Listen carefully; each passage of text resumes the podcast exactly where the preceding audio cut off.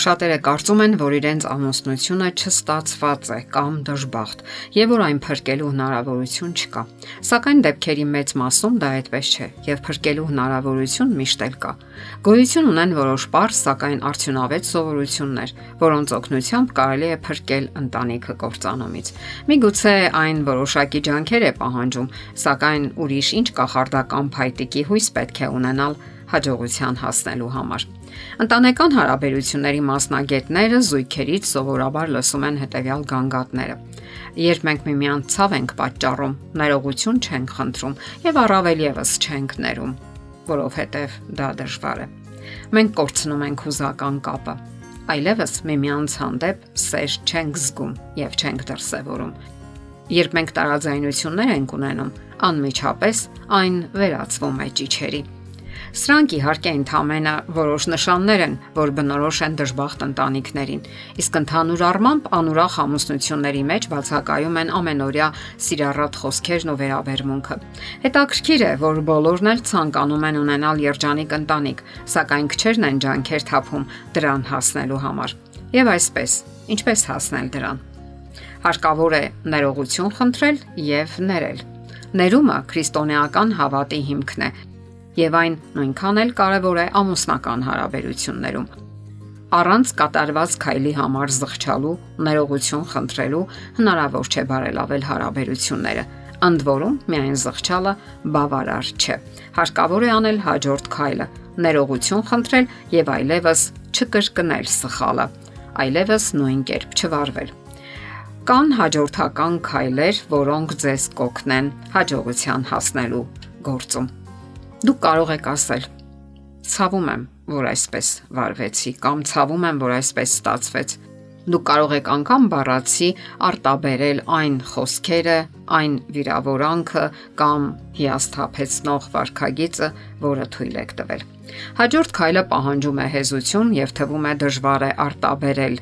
ներիր ինձ արտահայտությունը։ Երորդ քայլը հետեւյալն է. ես ներում եմ քեզ։ Կարող եք նաև ասել. միգուցե դժվար է, սակայն ես ջանքեր կթափեմ դրա համար։ Այս 3 քայլերից հետո սովորաբար հարաբերությունները կարգավորվում են եւ ապագան ավելի լուսավոր է լինում։ Իսկ այժմ ներկայացնենք սովորություններ, որոնք օգնում են ամուսնական միության ամրապնդմանը։ Հարկավոր է բնական ձևով կյանքում կիրառել սրանք։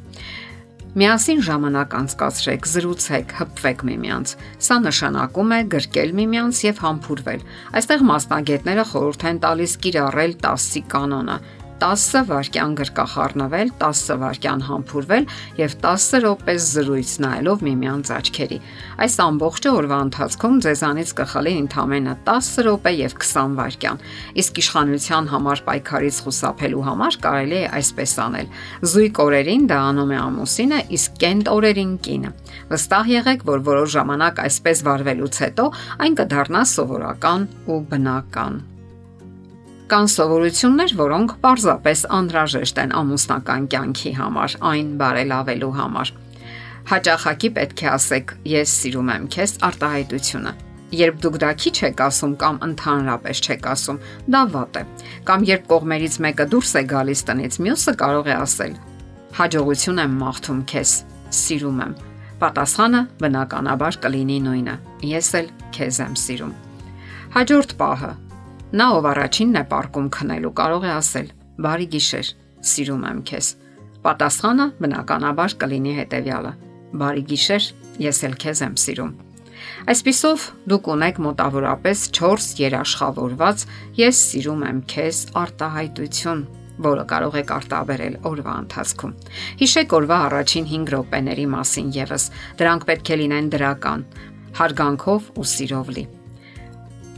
Պետք չէ քննադատել եւ ուղղումներ անել։ Պետք չէ նաեւ գանգատվել։ Դուք պետք է քաջալերեք միմյանց եւ ոգեշնչեք։ Օրը պետք է սկսեք առանց սթրեսային խոսքերի ու գործերի։ Այդպես սկսելով մեծ է հավանականությունը, որ օրը այդպես էլ դրական կշարունակվի դուք պետք է հարգալից քննարկեք տարաձայնությունները։ Երջանիկ ընտանիքները սովորաբար խաղաղ են քննարկում առաջացած խնդիրները։ Չկան բուրըն վիճաբանություններ եւ բարձր ճիչեր, վիրավորական արտահայտություններ։ Այստեղ հիշեք նաեւ 9-ի կանոնը։ Բարդ հարցերը լուծեք 9-ի մեջ, այսինքն առավոտյան 9-ից մինչև երեկոյան 9։ Մնացած ժամանակը այլ հարցերի համար է վաղ առավոտյան կամ ուշ երեկոյան մարդիկ ավելի զգայուն են եւ զգացմունքները ավելի խոցելի։ Երբ ձեր էներգիան սպառված է, դուք հարցակվում եք, այլ ոչ թե որոնում հիմնախնդրի պատճառն ու լուծումը։ Մասնագետները գտնում են, որ երբ զույգերը վիրավորում են միմյանց անվանապես կամ բղավում միմյանց վրա, Նրանք միշտ դա անում են կանգնած վիճակում։ Կանգնած վիճակում դժվար է լսելը, ինչպես նաև դա սպառնալի դիրք է։ Ավելի լավ է նստեք, խաղաղ ու հանգիստ, որpիսի ուրشادիր լսեք միմյանց ու հասկանաք, որոնեք խնդրի պատճառն ու արմատը։ Քննարկումները կարող եք սկսել այսպես. Ես քո օգնության կարիքն ունեմ Սա շատ մեղմ ու փափուկ սկիզբ է։ Երբ դուք դրական եք սկսում զրույցը, դրական էլ ավարտում եք։ Կտրուկ սկիզբը վատ է ավարտվում։ Իսկ այդպես սկսելով դուք ուղերձ եք հղում, որ պատրաստ եք լսել եւ համատեղ որոնել լուծումները եւ դիմացին ինքն էլ ոչ թե լարվում է, այլ պատասխանում է փոխադարձ սիրալիրությամբ։ Դե ինչ, սա իհարկե ամենը չէր, սակայն փորձեք եւ կտեսնեք դրական արդյունքները։ Եղեք երջանիկ։ Եթերում է ընտանիք հաղորդաշարը։ Հարցերի եւ առաջարկությունների համար զանգահարել 033 87 87 87 հեռախոսահամարով։